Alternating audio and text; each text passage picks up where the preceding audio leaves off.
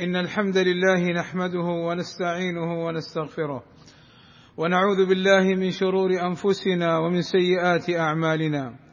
من يهده الله فلا مضل له ومن يضلل فلا هادي له. وأشهد أن لا إله إلا الله وحده لا شريك له. وأشهد أن محمدا عبده ورسوله صلى الله عليه وعلى آله وصحبه وسلم. أما بعد فاتقوا الله عباد الله كما أمرنا بقوله يا أيها الذين آمنوا اتقوا الله حق تقاته ولا تموتن إلا وأنتم مسلمون. عباد الله إن دين الإسلام دين رحمة وبركة وإحسان وحث على المنفعة للإنسان وحرم ديننا الحنيف المضرة ونهى عن سوء المعاملة وانتهاك الحرمات وإيذاء الناس وإن إلحاق الضرر بغير حق حرام سواء كان على النفس أو على الغير. قال صلى الله عليه وسلم لا ضرر ولا ضرار. والمعنى أن الضرر نفسه منتف في الشرع وإدخال الضرر بغير حق كذلك. وسواء ضررت بمن أضرك أو لم يضرك. لأن الشرع حرم الضرر بغير حق مطلقا. قال أهل العلم في الحديث النهي عن الضرر وهذا النهي يتضمن وجوب رفع الضرر سواء كان بالمال أو بالنفس أو بالجاه أو بالعرض أو بأي نوع من أنواع الضرر ففيه تحريم الضرر. وقد جاء الوعيد الشديد في من يضر الناس. قال صلى الله عليه وسلم من ضار ضار الله به.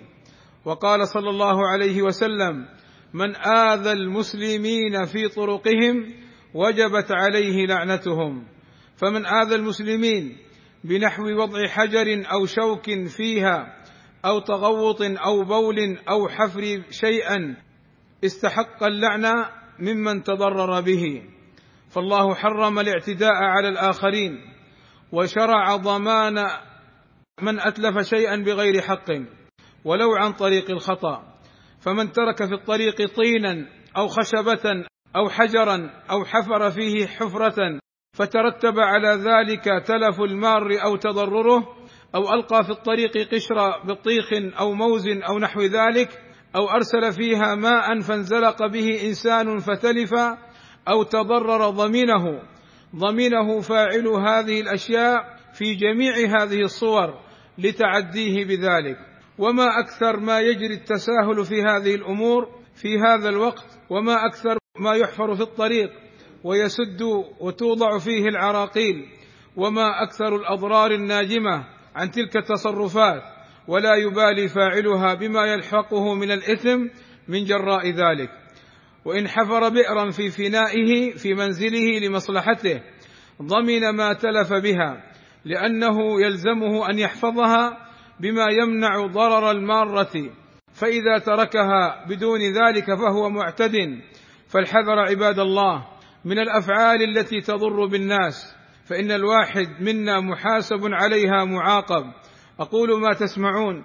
والله يغفر لنا الذنوب والآثام. إنه غفور رحيم. الحمد لله رب العالمين والصلاة والسلام على المبعوث رحمة للعالمين. وعلى آله وصحبه أجمعين عباد الله. إن الواجب على من كان يعلم أن شيئا يضر الناس أن يزيله مع قدرته أو أن يبلغ الجهات المختصة لإزالته مثل الآبار المهملة أو غير المحصنة بحيث يسقط فيها المار لعدم علمه بها أو الطفل الصغير لجهله بضررها. وفي هذا الجانب وردت أحاديث كثيرة عظيمة تدل على عظيم ثواب من أعان على إزالة الضرر. فمن ذلك قوله صلى الله عليه وسلم عرضت علي أعمال أمتي حسنها وسيئها فوجدت في محاسن أعمالها الأذى يماط عن الطريق. وقال أبو برزة رضي الله عنه قلت يا نبي الله علمني شيئا أنتفع به. فقال صلى الله عليه وسلم اعزل الأذى عن طريق المسلمين. وقال صلى الله عليه وسلم إماطتك الحجر والشوكة والعظم عن طريق المسلمين. صدقة. فإماطة الأذى إزالته وإبعاد ما يضر بالناس. ومر معقل بن يسار رضي الله عنه في بعض الطرقات بأذى فأماطه أو نحاه عن الطريق. ثم قال سمعت رسول الله صلى الله عليه وسلم يقول من أماط أذى من طريق المسلمين كتبت له حسنة ومن تقبلت منه حسنة دخل الجنة. وقال صلى الله عليه وسلم مر رجل بغصن شجرة على ظهر الطريق فقال والله لأنحين هذا أي لأبعده وأجنبه. والله لأنحين هذا عن المسلمين لا يؤذيهم. فأدخل الجنة. فلنتعاون عباد الله جميعا على هذا الأمر ونتواصى عليه. أن نزيل كل ما يضر بالناس إذا قدرنا على ذلك أو أن نبلغ الجهات المختصة لإزالته. فهذا من التعاون على البر والتقوى. عباد الله إن الله وملائكته يصلون على النبي. يا أيها الذين آمنوا صلوا عليه وسلموا تسليما. اللهم صل على محمد وأزواجه وذريته كما صليت على آل إبراهيم. وبارك على محمد وأزواجه وذريته كما باركت على آل إبراهيم إنك حميد مجيد. وارض اللهم عن الخلفاء الراشدين أبي بكر وعمر وعثمان وعلي وعن جميع أصحاب النبي صلى الله عليه وسلم. اللهم آتنا في الدنيا حسنة وفي الآخرة حسنة وقنا عذاب النار. اللهم فرج همومنا واكشف كروبنا ويسر أمورنا. اللهم اغفر للمسلمين والمسلمات والمؤمنين والمؤمنات. الأحياء منهم والأموات. اللهم وفق ولي أمرنا الملك سلمان ابن عبد العزيز لما تحبه وترضاه. وأصلح اللهم به العباد والبلاد واحفظه اللهم من كل سوء. اللهم وفق ولي عهده محمد ابن سلمان إلى كل خير.